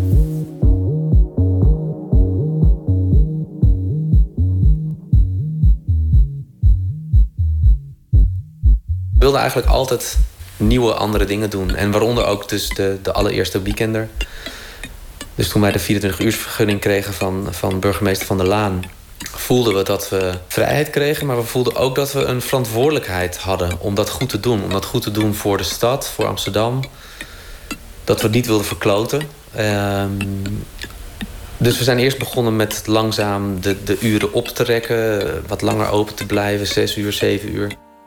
DJ Job Jobsen begint met draaien in de wc's, krijgt dan een eigen avond en wordt uiteindelijk de huis-DJ van Trouw. Ondertussen ziet hij de club veranderen in iets wat Nederland nog nooit heeft gezien. Wat op een gegeven moment het geval was bij Trouw en met meerdere clubs, was dat die avonden zo ontzettend vet waren, maar ze moesten op een gegeven moment stoppen. Soms moet je iets doormaken voordat er weer iets anders kan komen. En toen die 24 uur vergunning er kwam en toen ze dus langer open konden blijven, um, toen kwamen er voor het eerst emoties los die daarvoor niet tussen 12 en 5 uur s'nachts kunt bereiken. Want als je om 12 uur er bent, je hebt een fantastische nacht en je gaat dan de ochtend in. En in de ochtend is het is weer een soort van andere dynamiek. Ik zou het geen dip willen noemen, maar er is, ja, het is anders. En daarna gaat het weer omhoog, omdat een zondagmiddag er is. Dan bereik je een sfeer die je op geen enkele andere manier kunt bereiken. Dat zie je ook bijvoorbeeld op een meerdaags festival. Op Lowlands voel je, zou je je nooit zo kunnen voelen zoals op, zoals op zondagmiddag als, als, als op vrijdag, als het net begint. Het is gewoon anders. Dus toen dat, er kwam, kwam er zo'n extra dimensie aan. En zeker omdat je veel meer kon doen met de hele ruimte, werd dat echt een wereld op zich. En Olaf heeft altijd gezegd, vanaf het begin... ik wil dat trouw een wereld in een wereld is. Dus wil dat mensen daar naartoe kunnen gaan... en een heel weekend kunnen verliezen. Ze moeten lekker uit eten kunnen op vrijdag. Daarna een expositie kunnen bekijken of een tof concert. Dan gaan reven. Dan op zondag willen ze misschien juist weer niks, maar niet weg. En dan kunnen ze bijvoorbeeld een film kijken of zo. En dat maakt, dat maakt het heel, heel bijzonder. Of dat, dat maakt het mogelijk dat die 24 uursvergunning er was. Het laatste weekend van trouw was voor ons de ultieme finale van, van bijna vijf jaar trouw. Een feest, een weekend creëren wat recht deed aan de groep mensen die zich bij ons had aangesloten. De gemeenschap, de bijna familieachtige sfeer die we hadden. Hoe konden we een, een weekend creëren waarin we dat op zijn best konden laten zien? Wat, wat trouw in al zijn glorie was. We wilden zorgen dat iedere bezoeker van trouw door dat pand kon dwalen en steeds weer nieuwe ervaringen en, en nieuwe verrassingen kon vinden. In een soort van gek tussenruimtetje in het trappenhuis waar allemaal stoppenkasten waren en zo. Hebben ze allemaal matrassen neergelegd en, en draaitafels neergezet en de hele, hele weekend ambient sets gedaan. We hadden de kunstinstallatie in de hal. Bij de toiletten had je het winkeltje waar je kon eten. En uh, in die tussenruimte tussen de winkel en de hal had Red Light Radio het hele weekend een studio met live uitzendingen. Waar vervolgens ook weer allerlei sets en feestjes ontstonden van mensen die dat weekend daar waren. Uh, tracks, uh, Seth Troxler, mensen uit het buitenland die, die spontaan waren gekomen naar dat weekend, vonden opeens hun, hun plek bij Red Light Radio. Doordat Trouw voornamelijk op lokale DJ's leunt, weet de club zich wereldwijd te onderscheiden. Het laatste weekend staat dan ook vanaf vrijdag tot zondag in alle zalen en gangen ramvol. Het is aan clubmanager Twan Harmsen om alles in goede banen te leiden.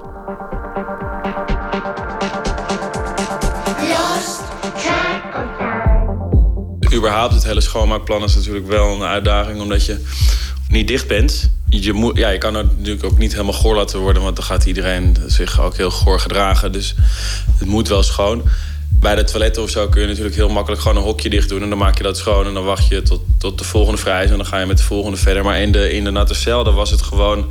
Alles was daar heel erg op elkaar gepakt. En het was er eigenlijk ook in ieder geval heel druk daar. En alles was van tegels. Dus zeg maar, of alle, alle, alle wanden en de vloeren en de alles was gewoon betegeld. Dus de luchtventilatie was ook niet altijd best. Dus eigenlijk was het gewoon zo dat alles vochtig was. Waar je liep, waar je, wat je vasthield. En dat moest natuurlijk op een gegeven moment ook schoon. iedereen die gleed eigenlijk, daar glibberde daar zo'n beetje doorheen. Het is een wonder dat daar ook helemaal geen schedelbasisfracturen vandaan zijn gekomen. Maar uh, ja, we moesten daar schoonmaken. En wat die, wat die schoonmaker op een gegeven moment gingen doen, was gewoon ja, een stuk dansvloer afzetten. Terwijl daar allemaal plakkerige revers omheen tegenaan aan het dansen waren. En, en zo gingen ze heel langzaam zo door die, door die, door die, ja, door die ontzettend gore plakkerige natte cel heen, zeg maar, stukje voor stukje. Zo iedere keer. Nou, meneer, hier nu heel even daar in die hoek blijven dansen. En dan gaan we, hadden ze het afgezet met soort lintjes. En dan deden ze zelf een dweiltje en een trekkertje. En dan was het, uh, was het weer goed. En dan gingen ze zo het stuk volgende stukje. En iedereen, ik denk dat er sowieso iedereen wel heel blij was dat het een keertje een beetje fris rook. Maar het is ook een soort dankbaar of zo. Dat er, iemand, dat er gewoon iemand die komt zo daar even de boel weer schoonmaken. Ondertussen staan alle knap schoongehouden zalen vol met vaste bezoekers. Of met mensen die de urenlange rij getrotseerd hebben om nog aan de deur een kaartje te kopen. Maar het kan ook sneller, volgens deze trouwe bezoeker. Facebook uh, gaf niet superveel informatie, uh, tenminste gaf informatie, maar daar werden we niet heel veel wijzer van. Want nou ja, mensen die binnen stonden, die konden mij in ieder geval niet vertellen hoe dik die rij was, of dat het te doen was, of dat ik gewoon moest gaan. Fuck it, ik pak de taxi naar de trouw en uh, dan zien we het wel. Dus ik ben uh, langs een nachtwinkel gegaan, drank ingeslagen en sigaretten ingeslagen. Dus ik dacht, ben ik in ieder geval bepakt en bezakt.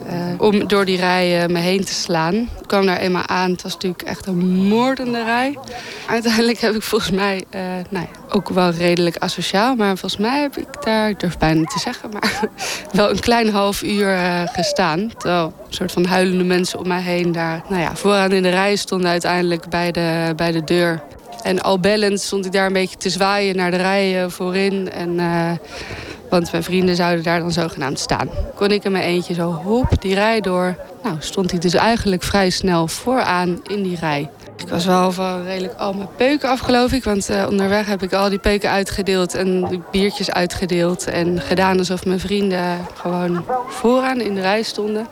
Ja, mensen geloofden dat eigenlijk wel. Maar ik ben dan ook wel een redelijk geoefende rijvoordringer. Dus ik was gewoon continu met de telefoon aan mijn oor... en een beetje aan het zwaaien uh, naar mijn zogenaamde vrienden... die dus vooraan in de rij stonden. En als je gewoon een beetje gezellig kletst met iedereen... en ja, ze kregen natuurlijk ook een drankje en een sigaret. Dus ze waren al vrij snel blij. Mensen hadden hele, hele flessen drank bij zich. Die stonden daar gewoon echt al uren. Die kwamen natuurlijk ook allemaal van buiten de stad. Die hadden hier gewoon echt al hun zinnen opgezet. Dus ja, of ze dan uh, een half uur of drie uur in de rij stonden... die hadden er eigenlijk gewoon ook wel alles voor over. Dat merkte Nina, de host aan de deur van Trouw die laatste avond ook de sfeer in de rij werd gewoon wat gespannender. Mensen die moesten naar binnen omdat dit gewoon wel de laatste keren waren dat het kon. En uiteindelijk stopten wij denk ik in de ochtend of nacht... en is die club pas om drie uur s middags dicht gegaan. Wat wij dus hadden is dat... Um, we werkten met drie hosts aan de deur... Christel, Latifa en ik. En dan hadden we twee invallers. En dat was Eefje van het restaurant en Aaron. En um, de laatste dienst deden Latifa en ik samen. En de dienst voor ons werd gedaan door Aaron en Eefje. Dus zij hadden daar denk ik twaalf uur gestaan. Die hele rij stond, ah, ik weet niet hoeveel, maar honderden mensen stonden daar. Er stonden heaters buiten, er werd drinken uitgedeeld.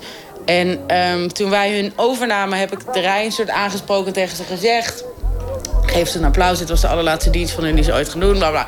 Ze hele rij klappen, heel mooi moment. En toen wij gingen stoppen, stonden er ook nog 200 man voor de deur. Maar we hadden wel het idee dat um, die laatste dagen toch wel vooral moesten zijn voor mensen die vaak in trouw kwamen.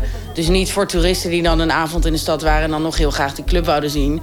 Dus voordat we de deur dicht deden, zijn we langs de rij gelopen... hebben we de vaste bezoekers eruit gepikt, die een kaartje gegeven... zodat ze konden betalen beneden. Dus op het moment dat we de deur dichtgooiden... waren er heel veel mensen die niet meer naar binnen konden... en eindigden wij dus onze dienst met heel veel gescheld en geschreeuw... en gegooid van blikjes.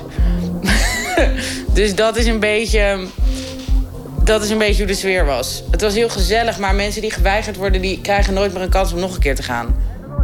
Buiten in de rij is het koud en heerst er onzekerheid. Binnen is het het tegenovergestelde. Dankzij buitenzinnige sets van onder andere Nicolaas Jaar, Cinnamon en Basement Sound System druipt het binnen van het zweet. En weten bezoekers één ding zeker: dit weekend willen ze zo lang mogelijk blijven. Ik kwam om vrijdag 1 uur binnen, s'nachts. En ik ben dus ja, pas om zaterdag drie uur weggegaan. S'nachts. Dus dat is 26 uur. Uh, ja, nee, het was uh, een absoluut record. En eentje die ik hoop nooit meer te gaan verbreken. Want het is, uh, het is gewoon een heel slecht idee om zo lang in de club te zijn. Je, je hele ritme is gewoon naar de knoppen. Uiteindelijk sta je nog een beetje... En, en zolang je binnen bent is het best wel leuk. Maar daarna stap je op de fiets. En dan merk je opeens dat dat verkeer is gewoon best wel lastig. Dus ik ben best wel blij dat ik heel thuis ben gekomen. Ja, ik, ik, had dus niet bedacht dat ik lang zou blijven. Maar ik had wel bedacht dat het misschien kon gaan gebeuren. En ik wou heel erg alles meepakken. Dus ik had een beetje bedacht dat als ik bij, toen ik binnenkwam, dronk ik één vodka gingerbeer. Want die was altijd in trui heel lekker, die was best wel pittig. Dus was meer zo van klap in je gezicht. Dat is een goed idee. En vanaf toen ben ik eigenlijk alleen maar um, Club Matis gaan drinken. Soort van Red Bull. Nou ja, bij mij was het natuurlijk niet helemaal de bedoeling dat ik lang zou blijven. Het was uh, bij mij was gewoon, ik hoorde dat Harvey kwam draaien. Dus, uh, en ik hoorde op een gegeven moment dat hij om 12 uur s middags zou draaien. Toen dacht ik zo op vrijdag van ja, 12 uur s middags. Op zaterdag kan ik nog net halen. Toen was hij niet om 12 uur. Toen hoorde ik van iemand van nee, maar hij komt om 6 uur s avonds. Ja, uh, verdomme nou, okay, 6 uur s avonds haal ik ook nog wel. En uiteindelijk begon hij dus te draaien op zaterdagnacht om 12 uur. Maar ja, het werd ook zo'n principe kwestie. Ik, ik, had echt op een gegeven moment gedacht van ja, dit is toch de perfecte afsluiter voor mijn weekend van trouw. Is dat ik hem nog ga zien. Nou ja, dus daardoor bleef ik heel lang.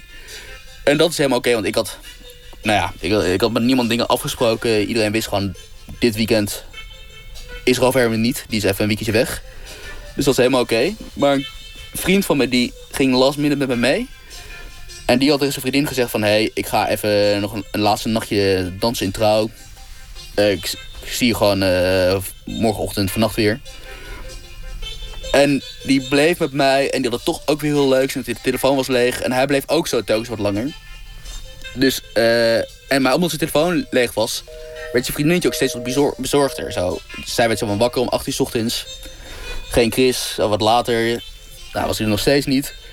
Ook niet bereikbaar. En die is dus ook pas zaterdagnacht uh, thuisgekomen. Wat, wat toch een beetje onhandig was als je vriendinnetje niet weet dat een nachtje dansen dus 30 uur dansen wordt. En zo zwerven vaste gasten bijna 40 uur lang door de club. En daar zitten ook wereldberoemde DJ's tussen. Seth Rockster, dat, is, dat was de, ja, een van de revelaties van, um, van, um, van het weekend. Ik weet dat Olaf had geprobeerd om te boeken in eerste instantie. Alleen, hij was niet beschikbaar voor dat, voor dat, voor, voor dat weekend. Um, dus Olaf die dacht, oh, dat is jammer zeg voor Seth. En dan kan hij helemaal, oh, dat is wel vervelend. Nou goed, oké, dan gaan we, we move on, weet je wel, we gaan verder. Uh, toen was het natuurlijk helemaal dichtgetimmerd en zo. En toen stond, of tenminste de, de, de, de, de, timetables en de line-ups en zo, die stonden allemaal al. En toen bleek eigenlijk dat Seth zelf gewoon tegen zijn agent had gezegd... kun je dat weekend blokken, want ik wil het hele weekend in de trouw kunnen zijn. Dus hij was eigenlijk. We hebben hem niet geboekt omdat hij zelf had bedacht dat hij het hele weekend bij moest zijn. Ja, Seth Roxler was uh, natuurlijk een van de, van de grote sterren in de tijden van Trouw en nog steeds wel. Hij was een van de allereerste buitenlandse DJ's die in Trouw draaiden. En, en wij waren toen heel erg gegrepen door hoe hij house, techno, disco, allerlei verschillende genres heel goed aan elkaar wist te rijgen. En hij kwam met cadeaus en hij was verkleed en hij was er het hele weekend. En ook al stond hij niet officieel op de line-up... heeft hij zich volgens mij toch nog ergens in de natte cel uh, ertussen weten te wurmen. En heeft hij daar gedraaid en was hij verkleed in een pak. En ja, een van de beroemde momenten is ook dat hij uh, op een gegeven moment op kantoor de telefoon opnam. Hi, I'm Seth Troxler. Op een hilarische wijze. Een of andere blaaskaak uit Engeland te woord stond... Die, uh, die op de gastlijst wilde en die claimde dat hij van de Warehouse Project was... of een andere grote club in, in Engeland. En Seth die zei gewoon van nee, er is geen gastlijst en uh, je komt maar gewoon in de rij staan. En uh, ja, die gast die, die geloofde natuurlijk niet dat hij Seth Troxler aan de lijn had... maar het was wel echt zo. En wat natuurlijk heel bijzonder is van Seth... is dat hij nog na dat weekend met Tom Trago de studio is ingedoken. Um, ik denk eigenlijk voor hun nog hetzelfde weekend. Ik denk niet dat ze geslapen hadden. En toen hebben ze de track uh, De Natte Cel gemaakt.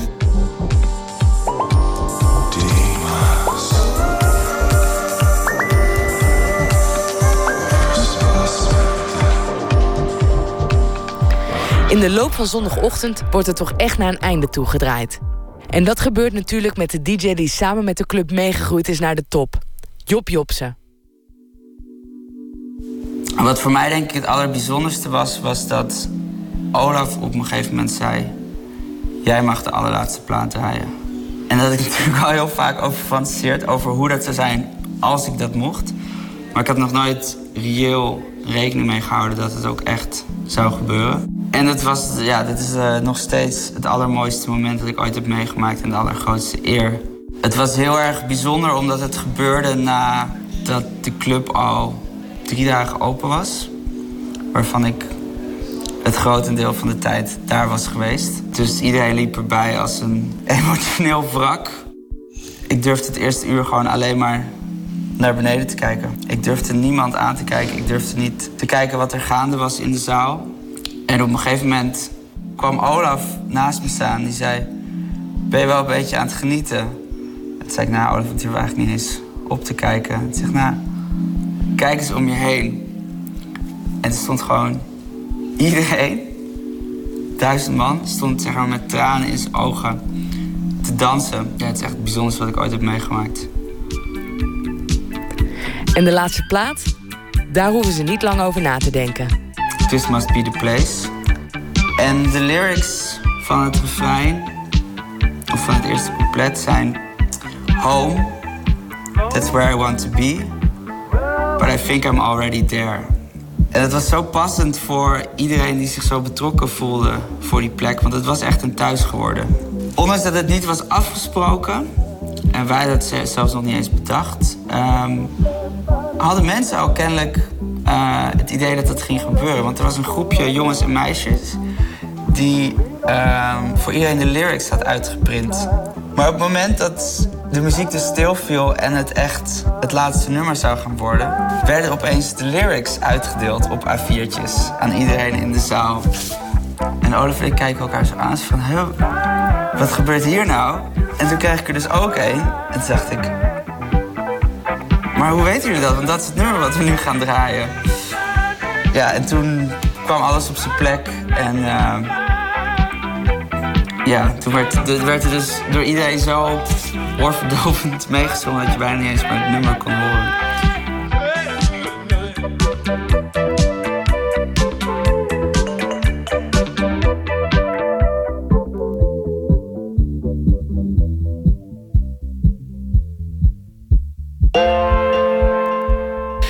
Toen was het klaar en toen bleef iedereen staan. En iedereen bleef ook staan zo van, ja, draai er nog één. Of je kan nu niet stoppen.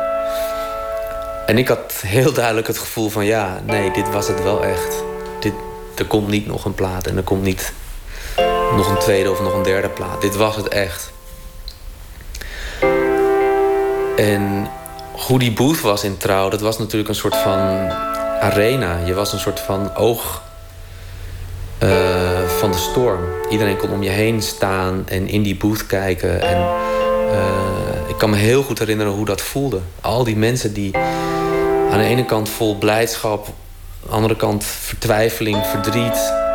Uh, of helemaal eraan je aan zaten te kijken. En, en, en dat duurde een tijd.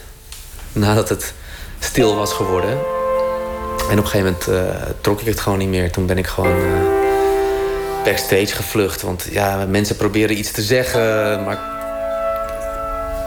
Sommige mensen zeggen hele mooie dingen, andere mensen zeggen hele rare dingen. En uh, ja, dat is eigenlijk wel gek hoe dat soort momenten dan gaan. Dus ik wilde gewoon op een gegeven moment uh, daaruit. Ik ben gevlucht backstage en toen ben ik heel erg hard gaan huilen en, en heel boos geworden. Omdat ik eigenlijk ook gewoon geen raad wist met mijn, met mijn emoties op dat moment. Je luisterde naar de vijfde aflevering van Rewind. De podcastserie over cruciale momenten in de Nederlandse dancegeschiedenis. Rewind is een samenwerking tussen 3 voor 12 en Nooit meer slapen. Het wordt gemaakt door Adse de Vriezen, Ralf Herme Huiskamp en Tom Hofland. Voice-over Anne Moraal. Dit was voorlopig de laatste aflevering van Rewind. Voorlopig inderdaad, want er is nog genoeg te vertellen over de Nederlandse muziekgeschiedenis. Een prachtige danssalon met spiegels tot aan het plafond. En kroonluchters vol met licht. Je zweeft met je ogen dicht. De laatste aflevering van Rewind was dit. En de gehele serie is natuurlijk terug te luisteren via uw favoriete podcast-app. En ik vertel nog iets over maandag. Dan gaat Pieter van der Wielen in gesprek met zangeres Rina Mushonga. Ze heeft zowel Nederlandse als Zimbabwaanse roots en heeft zich inmiddels gevestigd in Londen. Internationaal timmert ze flink aan de weg, maar gelukkig voor ons is ze volgende week nog even in Nederland om te praten over haar leven, carrière en haar tweede album In a Galaxy. Dat onder meer maandag en straks kunt u luisteren naar De Nachtzuster van Omroep Max met Astrid de Jong. Ik wens u een goede nacht.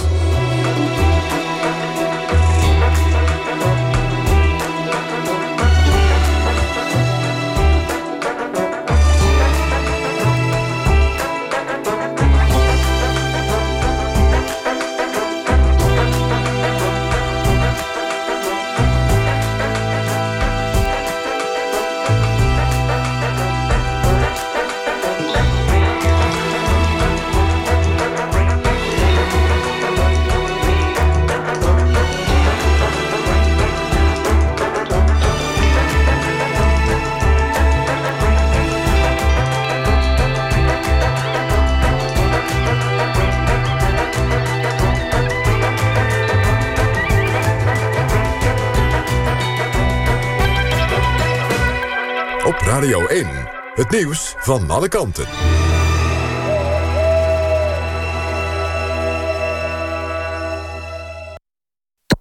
NPO Radio 1.